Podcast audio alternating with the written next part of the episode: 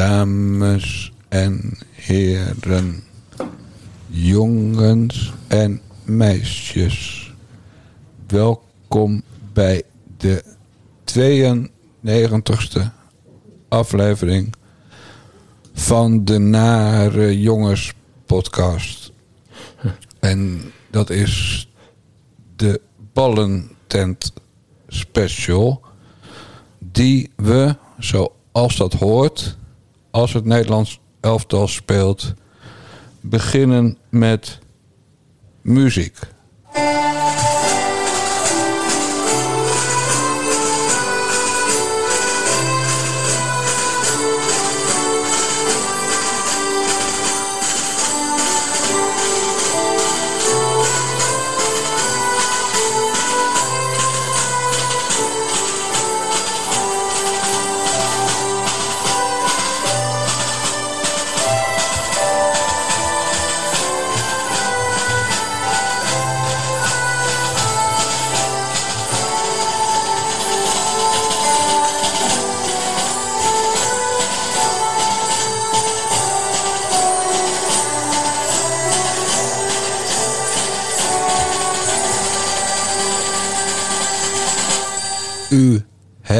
Herkende natuurlijk de Josti Band. Bas, jij ook? Ja, heb je, heb je een tia gehad, Dijkgraaf? Je praat wat moeilijk. Je klinkt alsof je beroerd hebt gekregen. Hand je gezicht scheef. Kijk eens in de spiegel. Ik probeer het Nederlands elftal na te doen. Qua tempo. Hoe vond jij de wedstrijd, Bas?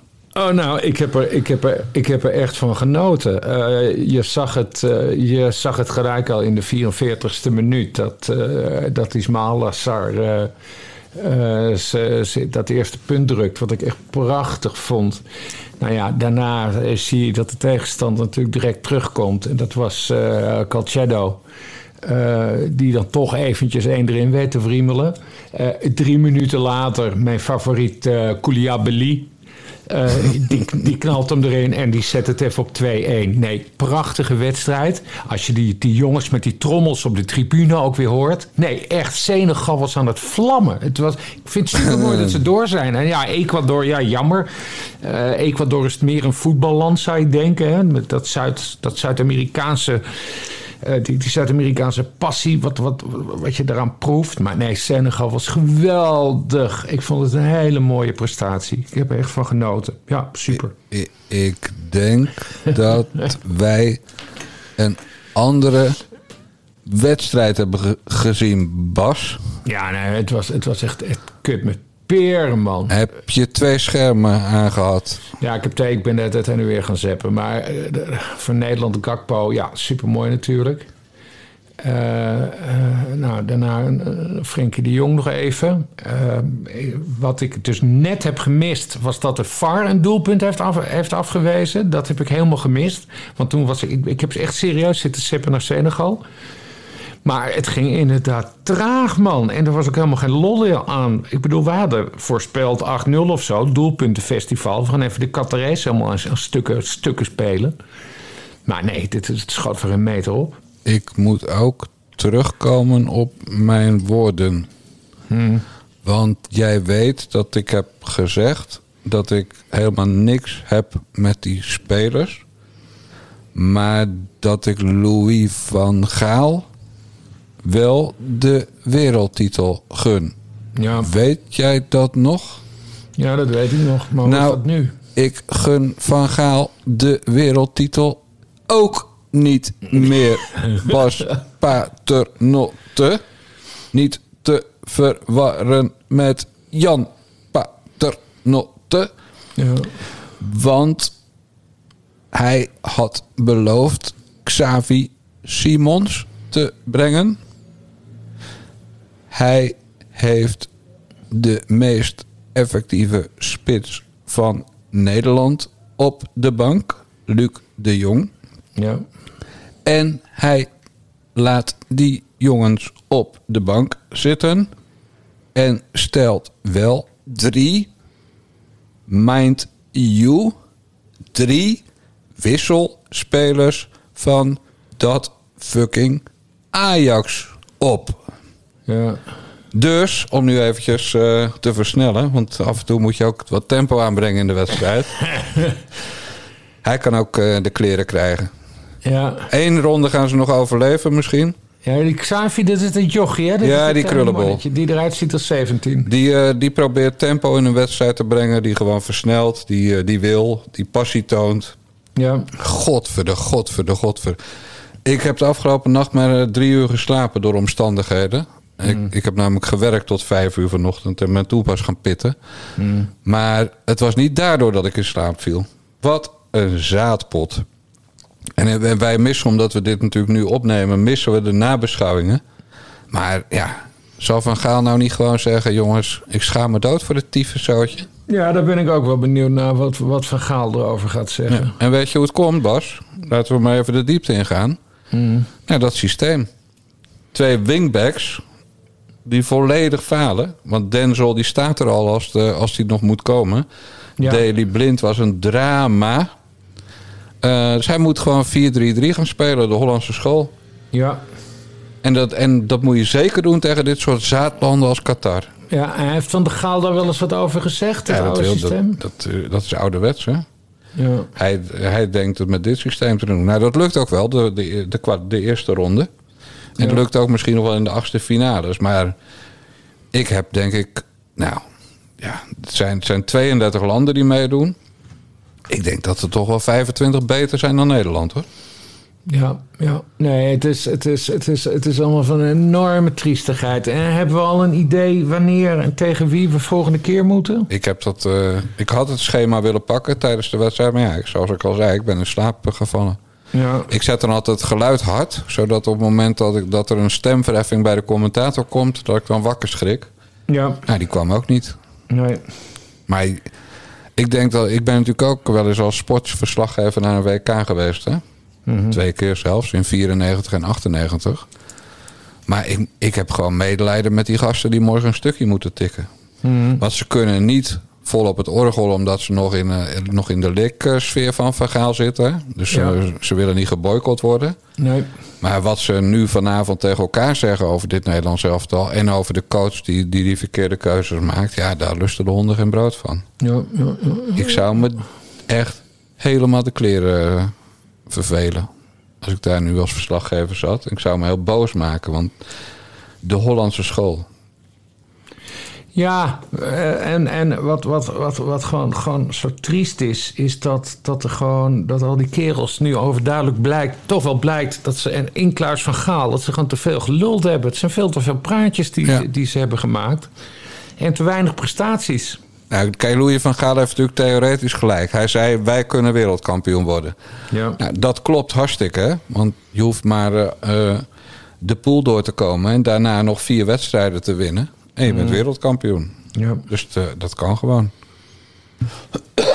ja, tot zover de theorie. Ja. Maar A, moet je dan spelersmateriaal hebben? Nou, dan mag je ernstig aan twijfelen. Want heb jij de Memphis Depay vandaag gezien? Zie je ontwikkeling bij Memphis Depay? Nee, totaal niet. Nee, nee, nee. nee Dus ze hebben het materiaal niet, ze hebben de opstelling niet, ze hebben de tactiek niet, maar het allerbelangrijkste is, ze hebben ook de passie niet om wereldkampioen te worden. nee. Ik, heb, eh, ik volg het Nederlands elftal vanaf 74, dat heb je als je oud bent. Dus ik heb het WK van eh 74 nog eh, licht eh, actief meegemaakt als 12-jarige. Ja. Dit is met afstand, met afstand het allerslechtste toernooi-elftal wat Nederland ooit op de mat heeft gelegd. En dat is moeilijk hoor. elftal bedoel je? Ja, ja, ja. Ja, ja. Ja, als, ja. als elftal. Ja, precies. Ja. De selectie. Alles, ja. En het feit dat daar de vader van Daley Blind assistent bondscoach is. Hè, wat, wat net zo abnormaal is als dat er een, eh, een minister eh, naar Qatar gaat eh, om, om zo'n wedstrijd te bekijken. Maar dat de vader van de falende linksback, wingback, eh Daley Blind assistent bondscoach is. En Daley Blind dus niet gewisseld wordt en een basisplaats heeft. Een grove schande. Ja. Een ja. belediging voor het Nederlandse volk. Wat wel mooi is, is dat Edgar Davids eh, opeens doorbrak op TikTok. Heb ik niet van- gezien. Nee, nou, dat was super grappig. Een of ander meisje uit Amerika of zo. Gewoon, gewoon zo'n zo'n interpretitje die dan op TikTok filmpjes maakt. Die had opeens eh, Davids eh, gezien tijdens een wedstrijd. eh, terwijl die eh, tussen de dugout zat. En van, oh man, eh, one of the Dutch eh, coaches is eh, looking very eh, badass gangster. maar hij ziet er ook geweldig uit. Dat kun je, dat echt, Edgar Davids is fantastisch eh, reclame voor Nederland. Hij heeft dan die zonnebril op en strak Ja. in het pak. En dan heeft hij, hij kan heel streng en boos kijken. En soms dan zie je ook die witterende, witte, blikkerende tanden van hem eh, tijdens een gulle lach. En eh, nee, eh, Davids, Da- ik vind Davids eigenlijk de beste van het hele toernooi tot Ja, nu toe. ik weet zeker dat... Da ik ken Davids een beetje. Ik heb hem wel eens ontmoet. Mhm. In de tijd na zijn voetbalcarrière, toen hij wel communicatiever werd. Ja. Maar ik weet zeker dat Davids echt 40 keer per wedstrijd denkt... trainer, trainer, mag ik erin? Echt. Ja, ja, ja, ja. Want kijk, als je nou hebt over passie, ballen veroveren... Ja, dat was Edgar Davids. Maar Ja. ook inzicht, ook aanvallers win, goed wegzetten. Ja, dat, eh, dat is... En ik was echt geen Davids-fan op, Bas. Maar Hm. echt, het is zo ongelooflijk slecht. En langzamerhand iedereen, hè. Want, want er, kijk, er, is, er wordt ook niemand beter in zo'n elftal. Je wordt eerder slechter. ja. Want Noppet, doen we niks eh, ten kwade over, eh, niks kwa- kwaads over iemand die voor Heerenveen voetbalt en uit de jouwer komt. Hè, zeker niet nu onze burgemeester ernstig bedreigd wordt. Ook Noppets burgemeester en mijn burgemeester dus. ja. Eh, geen kwaad woord over die jongen, maar een goede spits en een goed, goede tegenstander legt er echt vier in hoor tegen, tegen Andries Noppet. ja. Want die heeft gewoon echt nog heel weinig te doen gehad. Ja. En nu ook. Er kwam een balletje recht op hem af. Moest even op de details letten. Maar hij glipte wel door zijn handen. En Ja. gelukkig had hij zijn benen tegen elkaar. Anders was hij nog gepoord ook door, door, dat wijverschot van Qatar. En, en dat was heel erg gênant geweest. Ja, ik heb, eh, ik heb dan ook besloten dat ik de finale eh, niet ga kijken. Als daad van verzet tegen het Nederlands elftal. Zo, dat is moedig. Ja, als, ik, als ze mijn woorden logen straffen en de finale halen, dan ga ik niet kijken. Dan, dan Ja. ontzeg ik me de mogelijkheid om voor de derde keer in mijn leven een WK-finale met het Nederlands elftal te, te zien. Na Ja. 74 en, eh, en die van Van Marwijk in 90. Ja. Want eh, dan moet ik gestraft worden. Maar ik denk gewoon dat deze jongens denken... nou, toch een lekkere lange kerstvakantie. Ja, nou, ik vind, het, ik vind het altijd heel belangrijk dat ik tijdens een, eh, een, een toernooi als dit, dus een EK of een WK, eh, dat ik ook een alternatief team heb waar ik fan van ben. En eh, dat is dus Senegal in dit geval. Dus Ja, die, gaan, die hebben meer kans om ver te komen dan Nederland. ja, nou ja, precies. Dus mochten we eruit vallen, ja, dan ben ik gewoon kaart voor Senegal. En dan ga ik ook, ga ik ook mijn- mijn mijn gezicht ga ik dan wit verven. Hè? Dan doe ik whiteface. En, dan ga, koop ik een trommel en dan, eh, dan ga ik gewoon even Senegal toejuichen. Ja, nee, je hebt gelijk ook. Ja, het is echt super mooi wat ik van Senegal zag. Het, het, het zijn zulke vrolijke lui en die coach is geweldig. En ik, ik weet niet, ik heb iets met Senegal eh, gekregen, dit toernooi. maar als jij die coach geweldig vindt... dan heb je dus ook iets met mannen met krulletjes in hun zwarte haar. Ja, nee, Eigenlijk heb je hij gewoon is iets een met- soort Rasta-man. Hij ziet Ja. als een rapper. Je hebt eigenlijk iets met sterk uitziende negers gewoon. Nou, sterk. Het is een heel iel ventje. Maar, Nee, maar woest, Ja, woest. ja, dus zeker een woestheid spreekt eruit. Ja, dat heeft Davids en dat heeft, heeft die trainer van Senegal. Dus eh, ja. Ja, het zegt toch iets over jou, Bas. Je deelt toch geen hobby's met het eh, D66-Kamerlid in wording Sidney Smeets, mag ik hopen. Nee, nee, nee, nee, nee. Gelukkig niet, zeg. Gelukkig Nee. niet. Ben ik ook wel blij om. Moeten we het nog over Connie Helder hebben, die een sjaaltje had... wat ze steeds handig over dat speldje duwde... zodat niet te zien was dat ze protesteerden? Ik snapte die sjaal ook niet, want daar stond op Nevermind. ja, nee, maar echt. Ja, nou, dat is ook eh, hoe, het, hoe het kabinet er tegenaan kijkt. Ja, maar ik weet niet of het een... Of het, een, een, een het is geen officiële oranje sjaal of zo Nee, nee. draagt. Nee, staat op privécollectie. Privécollectie. Het het is een beetje zoals die keer dat eh, Mel- Melania Trump, toen ze nog eh, First Lady was eh, van Donald Trump, dat ze toen in Amerika was een ramp gebeurd met kinderen of zo. En toen droeg ze een jas en toen toen ze weer terug het vliegtuig instapte, zag iedereen dat op de jas stond: I don't care. Ja, ja. Weet je dat nog? Nee, dat weet ik natuurlijk niet, want ik volg alleen nou, Nederland. Daar deed me dit aan denken. Dat, Ja. dat, dat die Connie Helder dus op de sjaal Nevermind heeft Een staan. subliminale boodschap aan, eh, Subliminale ja, boodschappen. aan, aan exact. alle deugers in Nederland. Ja, en verder het gezeik met dat speeltje. Die band, dat was wat geweest. Eh, maar dat speeltje, ja, het is allemaal weer van enorme fucking lafheid. Het is allemaal van de tragiek. Wat natuurlijk wel grappig was, om even te laten zien wat een vreselijk kutland dat Qatar is, was dat die minister van Sport van Qatar in de rust een, Palestijn, een pro-Palestina armband om ging zitten doen, pontificaal. Oh, dat heb ik allemaal Wel een grote. Dus die nam geen speldje. Nee, die ging op die witte jurk van hem gewoon echt een 12 centimeter hoge pro-Palestina band zitten, zitten plakken. Oké, oké. Ja, dat komt ervan. Even Ik duidelijk. begreep, trouw- ik begreep trouwens dat... eh, de, want de minister van... De Duitse minister van Buitenlandse Zaken... Ja. Die, die had ook die band gedragen. Eh, maar, de, eh, maar ze hebben wel deze week een deal gesloten met Ja. Qatar over de levering van, nou, het zal ongetwijfeld gas of olie zijn. Dus zo erg vindt de emir het ook niet. Nee, want die minister van Duitsland, die vrouw, die zei van... of ik draag dit bandje en we doen die deal voor 15 miljard... of ik stuur vrouw Merkel en die doet eh, er eh, one love slip aan alleen. En verder helemaal niks. Toen zei die emir, waar kan ik tekenen? Ja, precies. En kom erop met die armband. Dat is dan toch een stuk minder. Nee, maar goed, dus we hadden, we hadden dit, dit ook nooit zo moeten aanpakken. Het is alles, het is, alles is in het Nederlandse gezicht ontploft. De Maar we grote, kunnen- De ja. grote mijl over onze te verwachten prestaties. De grote mijl over dat, dat eh, Virgil van Dijk die One Love band zou dragen. En, en, en dan dit gezeik met, met een, een, een fucking speldje. We, we, we moeten gewoon, we moeten gewoon, gewoon voetballen, jongens. De grote mijl van de Tweede Kamer dat er niemand van het kabinet naar Qatar mocht. Ja, En toch gewoon gaan. ja. Kortom, ook kansloos. Nee, het is gewoon één demasqué van, eh, van losers. En dat Ja. is ook eh, helemaal prima. Want wij namen dat soort lui al nooit serieus. En nu hoeft het helemaal niet meer. Nee, maar je die... ziet dus hoe het misgaat. En, en, en het, is, het is begonnen met die. eh, God, was, dat, was, het, was het Beijing, Olympische Spelen? Dat opeens allemaal van die linkse Nederlanders eh, vonden dat we, dat we met de Olympische Spelen in Beijing eh, moesten demonstreren. En de winterspelen in, eh, in Sochi met Poetin. Ja. Toen Willem-Alexander bier ging drinken met Poetin. Ja, En eigenlijk het WK van eh, 78 in Argentinië. Toen schoonvader van Willem-Alexander... wat is hij eigenlijk vaak aanwezig? Maar toen de schoonvader van Willem-Alexander...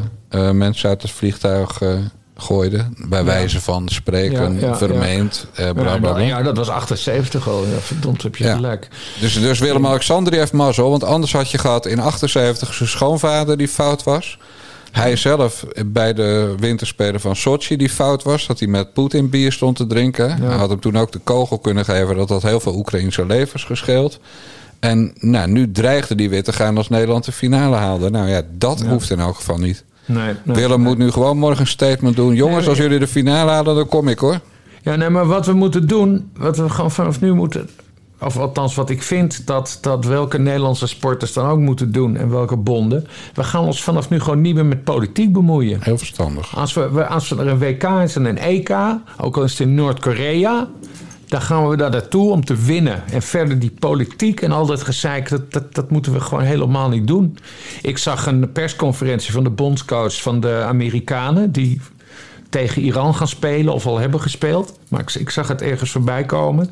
En die kreeg de vraag eh, van een Iraanse journalist van... eh, ehm, eh, ja, jullie Amerikanen mogen wel in Iran op bezoek komen... maar wij, eh, mensen uit Iran, mogen niet op bezoek komen in Amerika. Heeft dat nog invloed op de, op de wedstrijd?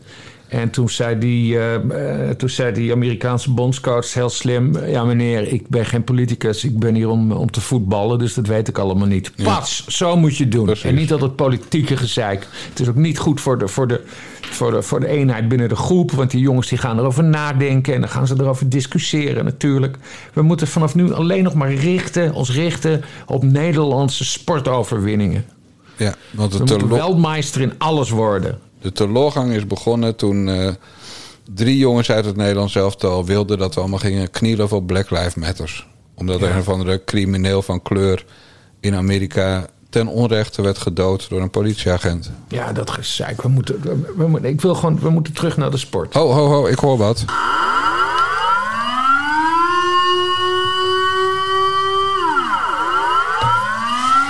Nou, de Russen in Eestergaat, het is begonnen.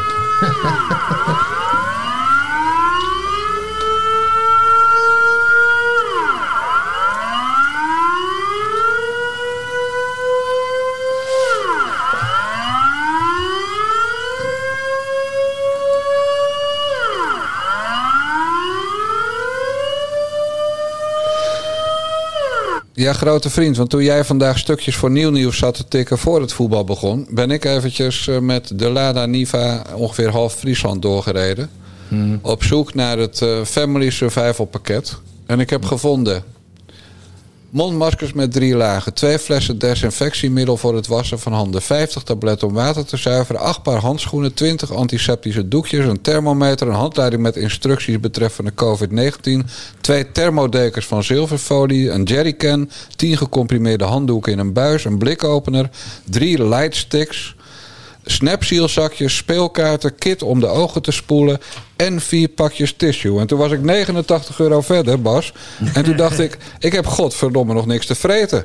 Dus ik weer die Lada Niva in en weer heel Friesland door. En toen kwam ik in Groningen, want in Friesland hadden ze het niet... het Ready Wise noodrantsoen voor zeven dagen tegen.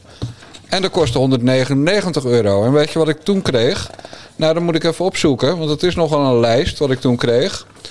Ik kreeg één zakje lasagne met kaas, twee zakjes pasta met tuingroenten, één zakje pasta alfredo, één zakje macaroni, één zakje kippensoep, twee zakjes stroganoff, één zakje tortillasoep, één zakje aardappel kip overschotel, één zakje kip teriyaki, één zakje gevulde gebakken aardappels, één zakje tomatensoep, één zakje rijst met bonen in tomatensaus, maar dat vreet ik niet. Eén zakje macaroni met kaas, dat vreet ik ook niet. Kortom, ik heb geluisterd naar de... N dat was trouwens 199 euro. Ik heb geluisterd naar de NCTV... want we moeten voor 48 uur een noodrandsoen in huis hebben. Bas, Ja. hoe zit het met jouw noodrandsoen?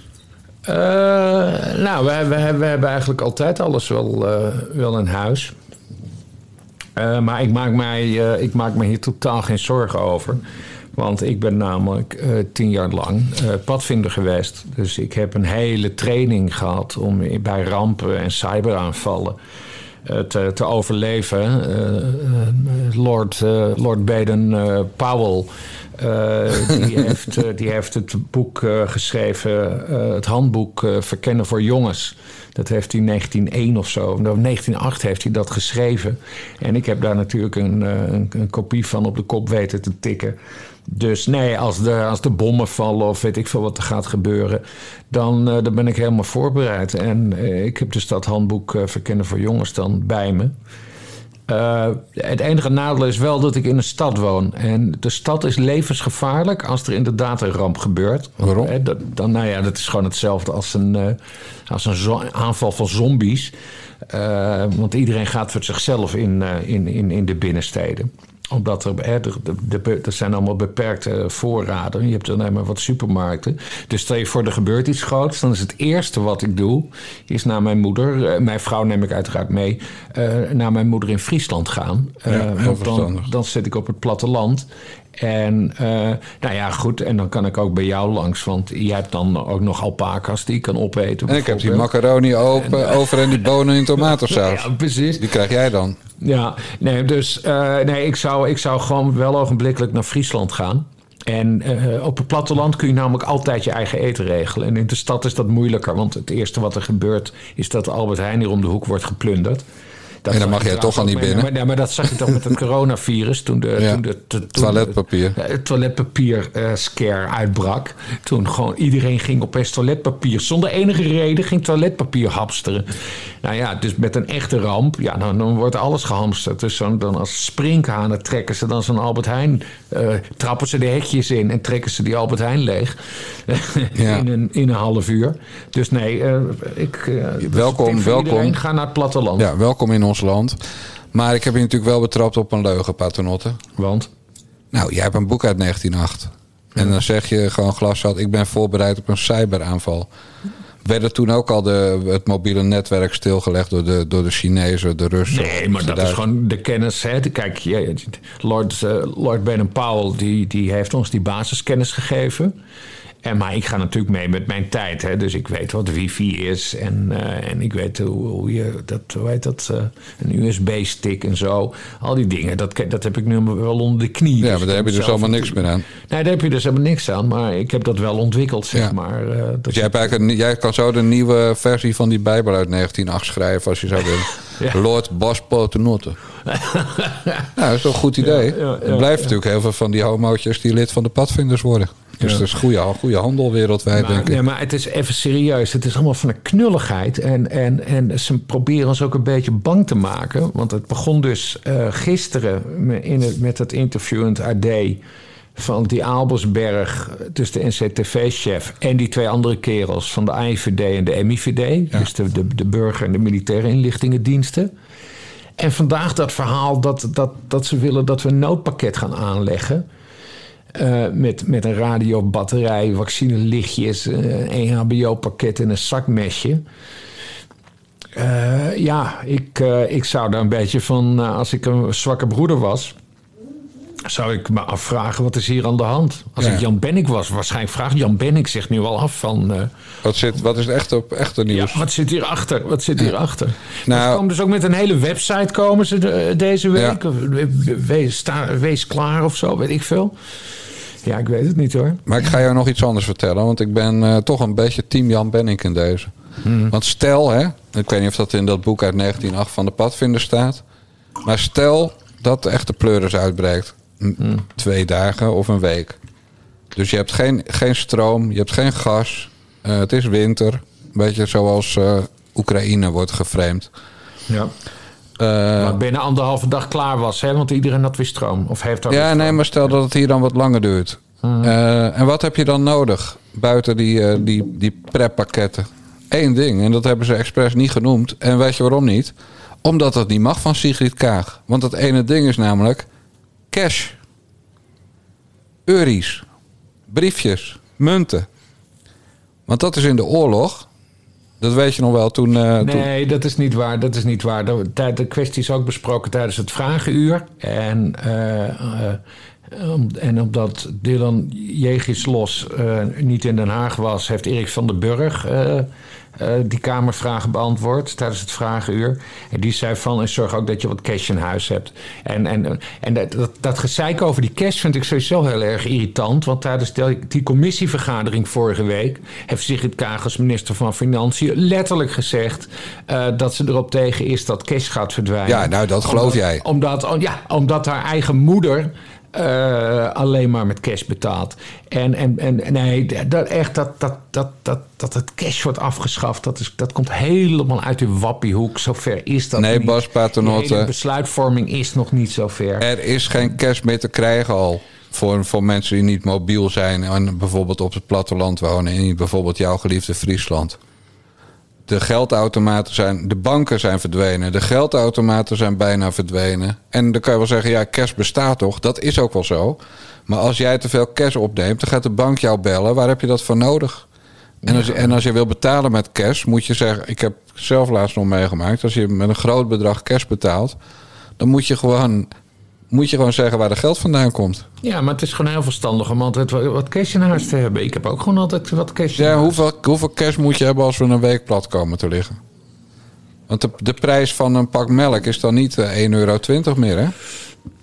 Nee, maar daarom is het ook slim om... eh, eh, je moet ruilmiddelen in huis hebben. Nou, dat is het voordeel dat ik ben gestopt met roken. Allemaal peuken. Aanstekers. Ik heb, eh, ik heb, nee, maar ik heb, ik heb nog meerdere sloffen sigaretten hier liggen. Ja. En dat is ontzettend slim. Dus, hè, want als het misgaat, dan kun je trouwens zoveel cash hebben als je wilt. Maar daar heb je op een gegeven moment ook geen fuck meer aan. Nee, sigaretten wordt dan de nieuwe ruilhandel. Oh, dus jij hebt het weer beter voor elkaar. Nou, dan zou ik denken... oh, die Bas Paternotte heeft een seintje in de familiesfeer gehad. Waardoor wij allemaal als een gek cash gaan halen uit de geldautomaat... die dan elke dag leeg is. Seintje in de familie. Ja. ja, maar nu wordt het weer, weer zo'n Ja, verhaal. D66. Ah, nee. Ja, ja, ja, ja, ja, Nee, ja, ja. nee, echt wel. Niks maken. Nee, gewoon helder nadenken. Kijk, maar dit is dus de kracht van padvinder geweest zijn. Rustig blijven en peuken in huis hebben... terwijl je niet meer Peuk in rookt. huis hebben, rustig blijven. eh, we- weten hoe je een alpaca moet slachten. Maar wel naar Friesland komen, hè? Luie hond. Ja, ik ben geboren en getogen Fries. Ja, maar je woont al 100 jaar in de Randstad. En, en dan is, het, eh, is, het, is de shit aan en dan moet hij weer naar Fries. Moet hij weer naar Mammy toe. Ja, het is wel zo. Wedden dat je dan bij je moeder slaapt. Of in Lauswold. Ja, Waar je altijd verblijft. Die ene keer per jaar dat je naar Friesland komt. Ja. Lauswold, waar trouwens ook Etje Nijpels komt. Etje Nijpels, die we kennen van de Klimaatkamer op Bonaire en zo. ja, Die is ingehuurd door het kabinet omdat hij zo klimaatdeskundig is, my ass. ja. Ja, Bas, je zit er gewoon. Ik vertrouw je gewoon niet meer. Je zit er gewoon Ja, vol mijn- in, jongen. Mijn, mijn familie kwam al op Laaswold over de vloer toen er nog particulier bezit was. Dus dat, eh, dan hebben we het over ver voor de oorlog. Dus dat is geen. eh, dat Ja, is nou, oké dan. enkel, eh, geen enkel probleem. Nee, maar goed, het is toch leuk, man. Kom ik naar Friesland? Kom ik even bij jou langs? Ja, ja, mijn koffie opzuipen tot top is. Ja. en mijn alpaca slachten, dat is nog het ergst. Eén alpaca kost 1500 euro, hè? Is dat zo? Ja. Oh. Nee, ik vind het helemaal niet om te lachen. Nee, maar even serieus. Eh, Wij hebben toch een kelder die vol nee, maar- staat. ja, maar jij zit echt goed. Je zit gewoon op het platteland. Dat, dat kan ik iedereen aanraden. Zorg dat je een fallback eh, optie hebt. Zodra het misgaat, ga naar het platteland. Mevrouw Dijkgraaf heeft net een moestuin helemaal leeggetrokken... en alles, bij, alles op onze eh, composthoop geflikkerd. Oh, Lekker dan. terwijl, terwijl ze het in wekpot had moeten stoppen. Ja, maar ja, de mensen heeft ook druk met werk. Ja, Het zijn, het zijn allemaal van dingen die doe je misschien in oorlogstijd... maar niet als je gewoon, eh, gewoon Ja. moet werken. ja. Nee, maar goed, het is, het, is, het, is, het, is, het, het, het, het is vreemd. Waarom doen ze dit? Want ik begrijp dat, in, daar ging het ook even kort over tijdens het vraaguur. Dat, eh, god, haar naam ben ik vergeten, maar in 2009, dus dat was een kabinet, het laatste kabinet Balkenende. Toen, toen had je het tonnetje van de toenmalige minister van Binnenlandse Zaken. En dat was een geel tonnetje, meen ik. En daar, en daar zat dan ook een EHBO-dingetje in en een mesje en een, en een, en een radiootje. Dus ze hebben het al een keer eerder gedaan, zo'n noodpakketcampagne. Maar ja, ik, Ja, ik eh, zit nu alleen te denken... hoe heette die minister ook alweer van dat tonnetje? Want ja, P van de A met dat, ge- dat Adelmoend? Nee, Gek gebit. Oh ja, ik weet het al. Guusje ter Horst. Guusje ter Horst. Niet waarom ik nou die associatie met, met gek gebit meteen wel begrijp. Je had ook kunnen zeggen dat drankorgel.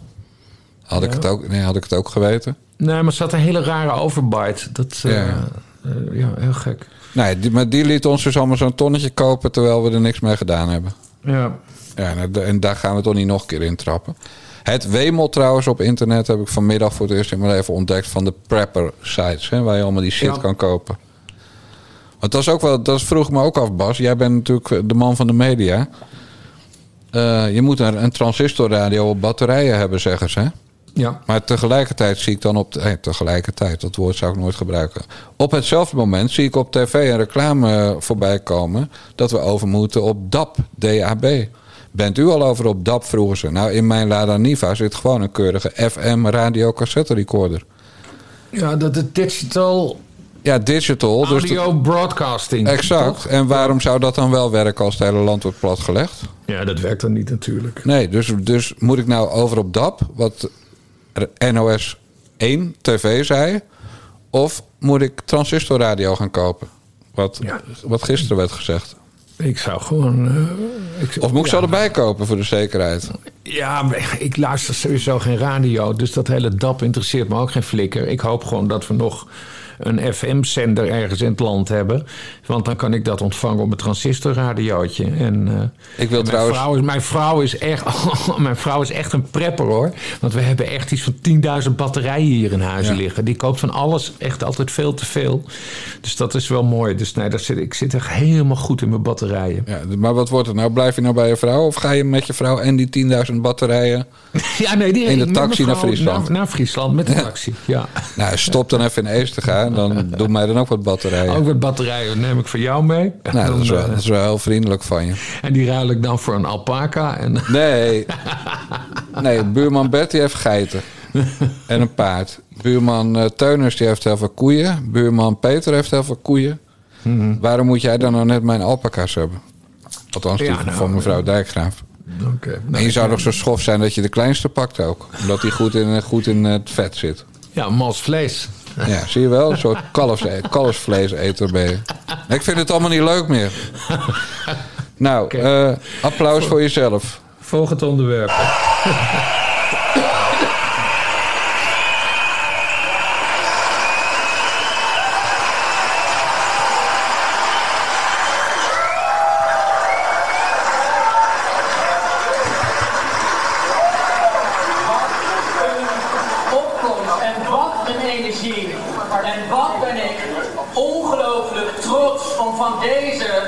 democratische beweging deel uit mogen maken. Dat is echt fantastisch.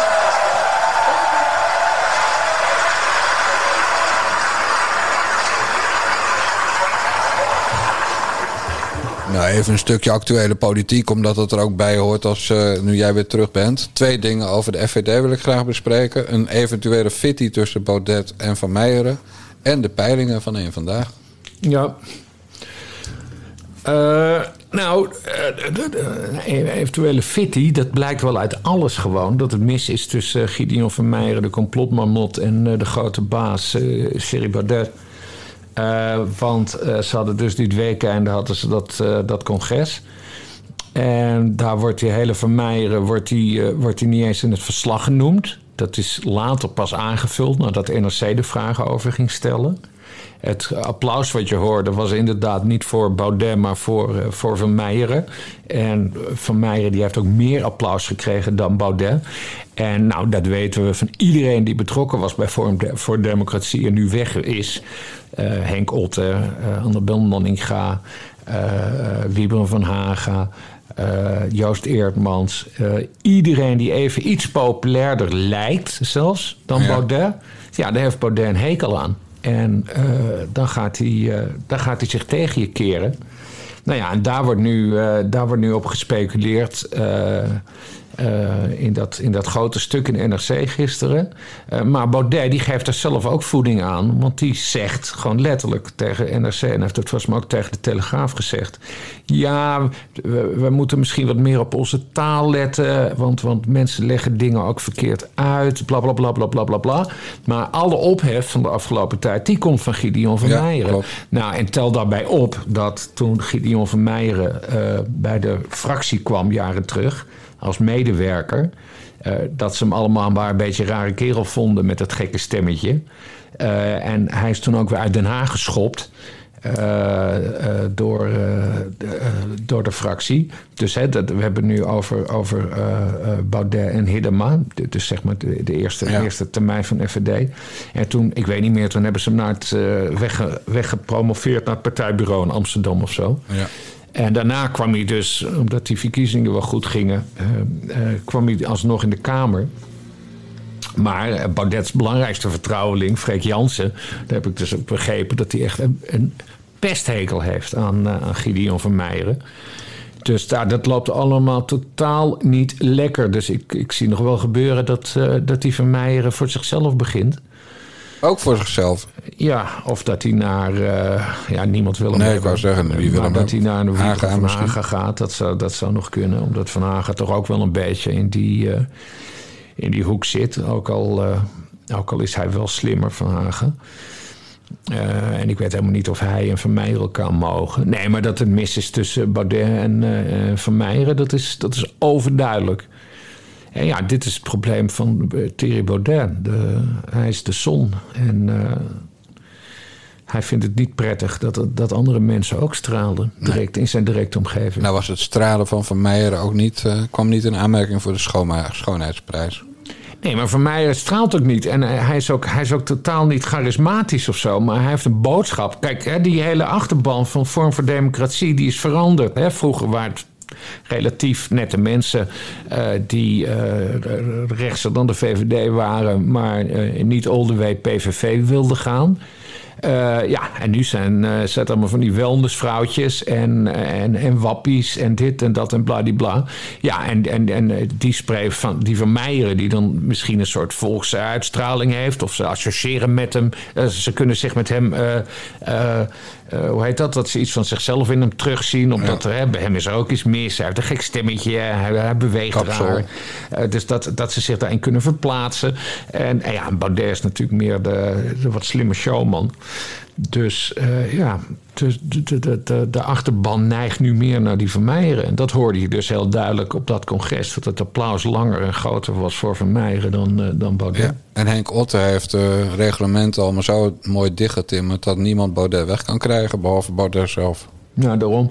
En, en, en, en uh, Eh, dat, dat, dat zei ook iemand van, ja, Baudet die, eh, die, weer, die doet alsof hij nu gematigder is. Wat hij helemaal niet is, want die, al die bizarre uitspraken die staan nog steeds, hè, die hij vroeger heeft gedaan. Ja. Eh, maar ja, Baudet aan de ene kant weet hij ook van, ja, ik kom hierna nooit meer aan de slag. Ja. En die partij is voor hem echt geld verdienen. Hè? Met, die, met name die boeken en die uitgeverij. Ja. Eh, dat, is, dat, is, dat is zijn belangrijkste vorm eh, van inkomen. Naast, naast gewoon dat hij als fractievoorzitter ook wel lekker verdient. 130.000.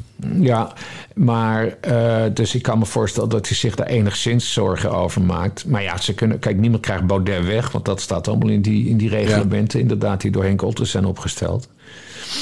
En, nou ja, dat is. Maar iedereen moet maar even naar chrisalbers.nl gaan, want die had er gewoon. Die Nou, had dat lijkt me nou wel het laatste wat de mensen moeten doen. heeft. Hele mooie analyse. Ik las trouwens vandaag dat Chris Alberts ook docent journalistiek is. Weet jij daarvan? Nee, hij, zit, hij is docent communicatie. Oh. Hij, zit, hij is geen docent journalistiek. Ik dacht al, dus hij, hij leidt meer die leases van D66 op en zo. Nee, hij zit, nee, hij is, hij is, hij is, hij is, is Ja, die communicatiemeisjes. eh, Communicatieding. Nee, nee, hij is wetenschapper. Hij bestudeert communicatie. Oh ja, hij bestudeert. Ja.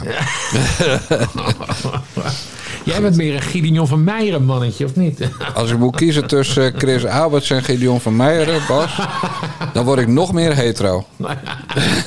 Of bedoel je het zo niet? Och. Nee, ik zou geen, geen minuut van mijn leven willen doorbrengen met welke van die twee dan ook. Maar ik blijf ook altijd roepen dat er maar één man was die al vanaf 2016 of begin 2017 niks van Thierry Baudet moest hebben. En dat was ik. Ja, Want al die mensen aan de vermeende rechterkant, allemaal hebben zich laten inpakken door die gladjakken. ja ik ook. Ik ook. Ja, ik precies. ja, lid geweest. absoluut. Ja. Maar dat geldt ook voor geen stijl. Die waren ook heel vriendelijk voor hem. Terwijl die, hij is helemaal niet zoveel veranderd. Hij heeft gewoon zijn ware aard laten, laten zien. ja. Hij had echt niet in 2017 zijn zoon Jan of Bas genoemd. Ook toen was het al Lensel het geworden. ja.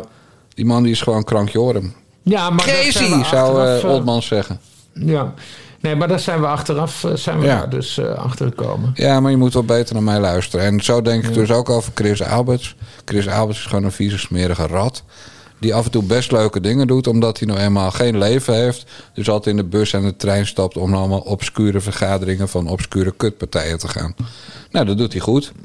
Nee, eh, dat, dat, dat, dat doet is hij wel. townhall journalistiek. Dat is in Amerika Oh, ja. heel normaal. Nee, maar journalistiek- In Nederland gebeurt dat nauwelijks. En dat heeft hij op de kaart gezet. Journalistiek is dat je ook met nieuws komt. En hij komt altijd met analyses. Mhm. Dat is echt wat anders. Er is, er- als hij morgen een keer onder de trein komt, is er geen eh Woodward of Bernstein aan hem verloren gegaan hoor. Ook Nee, niet aan hij ons is, trouwens. Hij is de man van de analyse en dingen in kaart. Dan ben je dus geen Dat journalist. heeft hij, dat heeft hij met. Nee, maar hij zegt, zegt hij gewoon een dat hij journalist is. Ja, zeker. Nou, dat weet ik niet. Dat heb ik hem volgens mij nog nooit horen zeggen. Want zo heb ik hem toen, want bij TPO heb ik hem in ieder geval nooit zo geïntroduceerd. Want wij hebben toen gezegd van, we, we sturen een wetenschapper naar Den Haag. En we sturen een wetenschapper naar, naar, naar Brussel en Straatsburg. Roet op! Roet op! Ik ben het echt helemaal zat. Het eerste Nederlands elftal en nou dit man. Ik wil nog even over Christus. de peiling hebben. Ik wil nog even over de ze zijn nu net zo groot als bijeen, las ik. Ja, goed. Bij één heeft dus één zetel erbij in de peiling van één vandaag. En die komt Ja. nu op een woeping, twee zetels. Roet op! En, en Vorm voor Democratie eh, heeft een zetel verloren. En die heeft nu ook twee zetels. Dus eh, hij is net zo groot als uh, Sylvana Simons. Net zo crazy ook. Net zo crazy. Nou, Sylvana Simons is een baken van, van stabiliteit bij Baudet, hoor. ja, Ja. nee, maar we moeten het... we Nu ga je echt onzin vertellen. We moeten het maar even zien met Baudet. Maar het is allemaal, het is allemaal van een triestigheid. En nou, hij heeft het allemaal zichzelf te danken. Ja, we moeten, het even, we moeten het even over een Kamerlid hebben... voor wie wij allebei wel heel veel waardering hebben. Maar eerst een stukje inleidende muzak. Vroeg gisteren in mijn stamcafeetje Drinkt iedereen van mij iets Dat bleek een crimineel ideetje. Want opgetogen zong heel het café. Zo'n goeie hebben wij nog niet gehad. Zo'n goeie hebben wij nog niet gehad. Zo'n goeie hebben wij nog niet gehad. Zo'n goeie hebben wij nog niet gehad. Speel ik nu graag de stoere jongen. vraag ik of iedereen iets drinkt. Mijn hartje maakt de gekste sprongen. Als heel de zaak dit dan voor me zingt. Zo'n goeie hebben wij nog niet gehad. Zo'n goeie hebben wij nog niet gehad. Zo'n goeie hebben wij nog niet gehad. Zo'n goeie hebben wij nog niet gehad. Dat was Jan Patat. Nooit van gehoord. Nooit van gehoord. Wel van Johnny Blanco. Nee, ook niet. En het was eigenlijk Johnny Blanco. Maar dit lied heeft hij gezongen onder de pseudoniem Jan Patat. Ben jij trouwens friet of patatman? Friet. Friet? Ja, ik, zeg, ik vind friet veel prettiger klinken, terwijl dat uit het zuiden des lands komt. Ja. Want in het noorden, eh, want ik heb al die onderzoeken gelezen, eh, wordt het patat genoemd. Maar Ja, ik heb het altijd friet. Maar ik vind friet veel sympathieker klinken dan, dan patat. Ik vind patat vind ik zo, zo ordinair klinken. Nou, even wachten. Dan gaan we nu nu- luisteren naar een liedje van Jan Friet. Gisteren in mijn stamcafeetje Drinkt iedereen van mij iets mee Dat bleek een crimineel ideetje Want opgetogen zong heel het café Zo'n goeie hebben wij nog niet gehad. Zo'n goeie hebben wij nog niet gehad. Zo'n goeie hebben wij nog niet gehad. Zo'n goeie hebben wij nog niet gehad. Ja, paternotte, dan krijg je hem ook. is- de tekst Jan ken Friet. ik wel, maar de tekst ken ik wel. Alleen, eh, ik had het nummer nog nooit gehoord. Ik denk eerlijk gezegd dat het nog, nog was toen ik nog eh, maar net uit de luiers was. Zo Ja. oud. Maar wel jaren 60, 70. Ja. Carnavalsliedje gewoon. Maar zeg Jan Dijkgraaf, waarom draaien wij dit nummer eigenlijk? Nou, omdat we op zoek waren naar een liedje met de tekst... Zo'n goeie hebben wij nog niet gehad. En dan kom je alleen eh, op, eh, op dit liedje uit. Stom liedje verder. Eh, maar ik doel natuurlijk op... de, jij hebt altijd aan het eind van het jaar bij Geen Stijl... zo'n lijst met allemaal prijzen voor politici. Bas Hilfs, politicus van het jaar. Exact. En ik wil dat jij alle positieve titels dit jaar... aan Martin Bosma geeft van de PVV. Ja. Want ik heb hem gezien in het mediadebat. En het is dat dat of integraal moet worden uitgezonden in onze podcast of niet. Dat ik voor dit fragment heb gekozen. Maar hij heeft die Oesloe, Gunay Oesloe van D66... alle hoeken van de Kamer laten zien. Zoals hij dat eerder altijd deed bij Ollongren. Ja. Geniaal. Maar voor de mensen die moesten werken tijdens dat debat... welke puntjes heeft hij allemaal gescoord? Oh, ik dacht dat, je nu, dat, dat we nu ook nog een stukje Martin Bosma Nee, dat gaan we helemaal niet horen. Dat eh, Gaat hij weer vertellen wat er in het draaiboek stond en waar ik van afwijk? God voor Nee, de de, god. de, de- de- kijk, eh, Maarten Bosma, eh, bij elk debat over de media eh, eh, is hij gewoon altijd, eh, altijd goud. En eh, maandag was dus eh, eh, weer een, een- debat over de mediabegroting, maar wat natuurlijk over de wereld draait door eh, ging. En die video die kunt u terugzien op Nieuw Nieuws. En nou, hij doet het ongeveer in 11 minuten, zeg ik uit het hoofd. En hij, hij, hij, hij sloopt gewoon die hele NPO en hij legt zo mooi duidelijk al die verbanden tussen al die D66'ers en PvdA'ers die daar de dienst uit maken. Eh, en verder op zijn flamboyante manier, dus hij had het, had het over tot redacteur gemaakten die, Ja, dan, ja. die dan op de, op de, op de, op de, op de Vara-plantage moesten werken voor Matthijs de slaafdrijver. Maar het klopt wel allemaal Ja. Eh, wat, hij, wat hij daar vertelt. Hè? Want hij komt zelf komt hij ook uit de media. Dat weten we niet iedereen. Maar NOS zelfs. Ja, NOS. Martin Bosman was vroeger gewoon journalist. Ja. En hij, hij weet dus heel veel zijn werkt. Hij weet hoe media werken. Hij, hij weet dus ook een beetje hoe het, hoe het, hoe het vak van journalist werkt.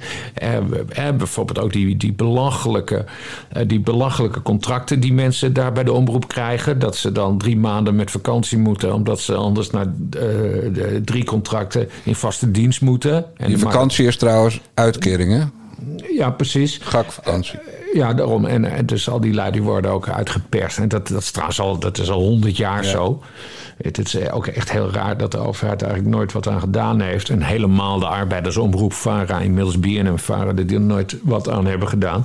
Nee, mensen moeten het gewoon even opzoeken. Want, want Bosma die, die, die houdt altijd een geweldig verhaal dan. Het is, het, het, is, het is grappig absoluut. Maar het is altijd inhoudelijk. En eh, ik ben op maandag vrij. Dus ik heb eh, alleen, het, eh, ik heb alleen aan Bosma heb ik gekeken. En daarna heb ik, toen het allemaal weer was afgelopen, ben ik even doorheen gescrolld. Want ik was natuurlijk ook benieuwd naar wat Oesloe zou zeggen. En maar Oesloe die heeft heel weinig gezegd. Die was heel slecht. Die heb ik Die toevallig gezegd, gezien. eh, ja, we gaan, we- gaan de, de, de, de, de wet voor de publieke omroep, die gaan, die gaan we aanpassen, want dit kan niet zo. Ja, en dan vraagt de Kamer, maar wat gaan jullie doen dan? Eh, en, en, en, en dan gaat ze zeggen, nou, er gaan heel veel dingen, heel veel dingen Ja. gaan rollen. Er gaat heel veel, heel veel gebeuren.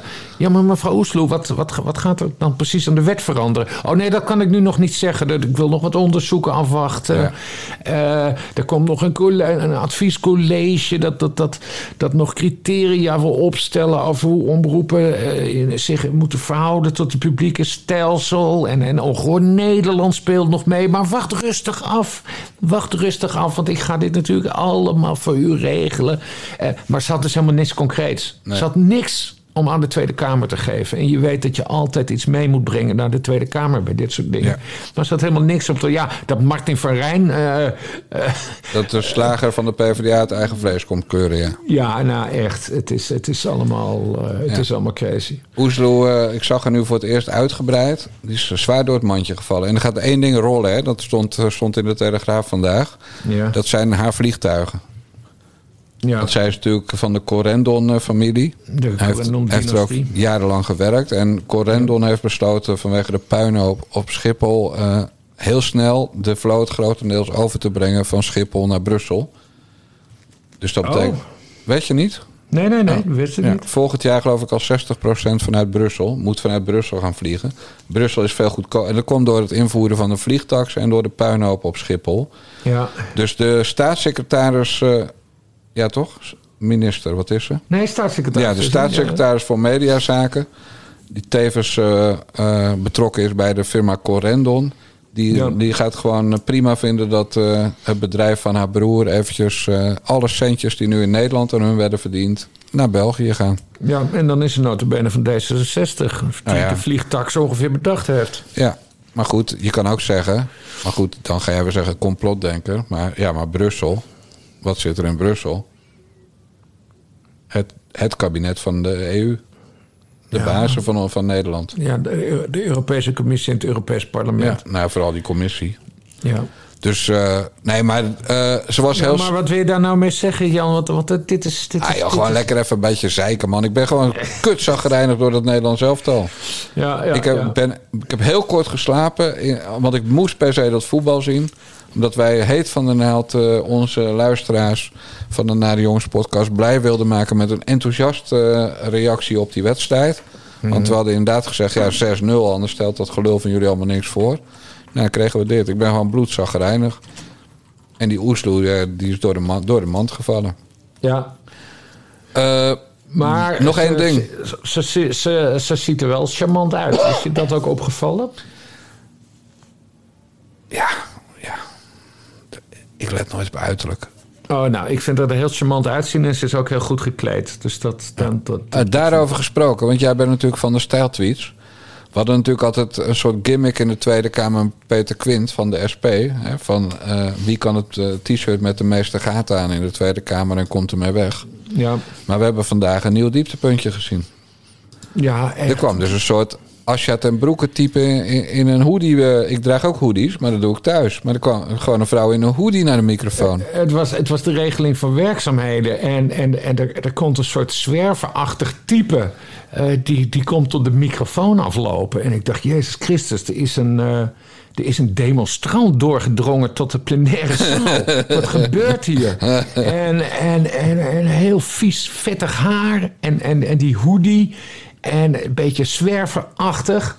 Eh, maar eh, toen kreeg ze het woord. En toen bleek het VVD-Kamerlid eh, Jacqueline van den Hill te zijn. Dus dat was een mevrouw van de Oh, VVD. die? Nooit van gehoord. Nee, een totale backbencher.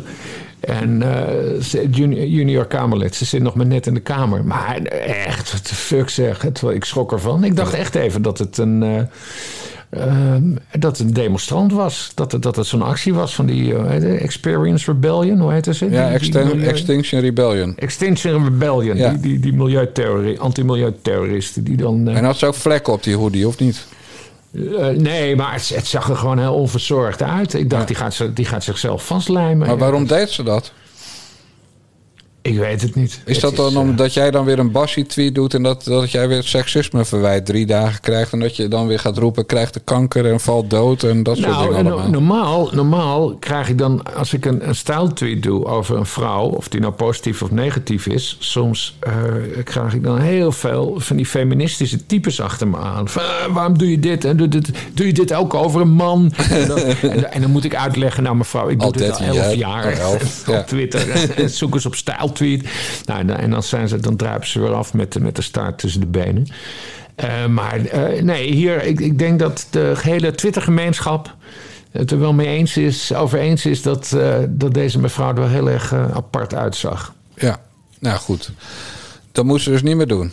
Nee. Over niet meer doen gesproken. Heb je al contact gehad met de Albert Heijn in de buurt? Over het door jou kapot getrapte hekje... waardoor twee Marokkaanse medewerkers van die winkel PTSS hebben opgelopen? nou, ik weet niet of ze PT. Ik denk het wel. Opgelopen. Nou, nee, maar ze herkennen mij niet, want ik heb. eh, 10 kilo minder. eh, ik, ben, ik ben wat lichter geworden. En eh, ik, ik had een petje op toen. En dat petje draag ik dus niet. Nee, dat heb je verbrand. En de winterjas die ik droeg, die draag ik ook niet.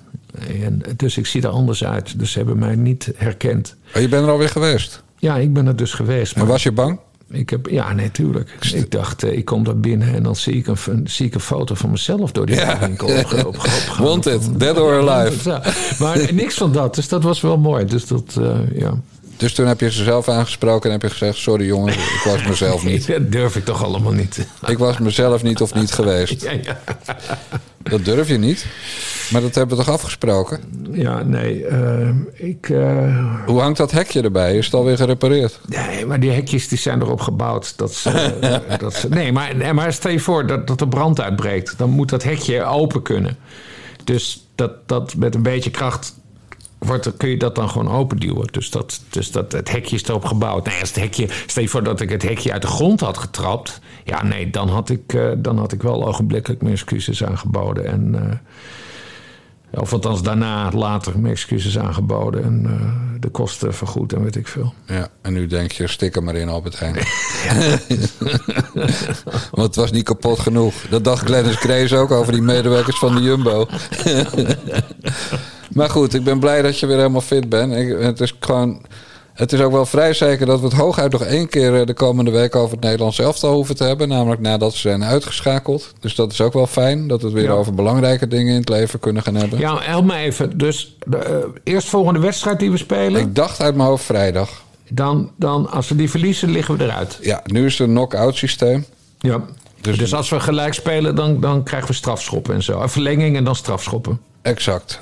Ja, Ja, en, en eh, om in jouw taal te spreken, is het dus in de komende wedstrijden zaak om één punt meer te drukken dan de tegenstander.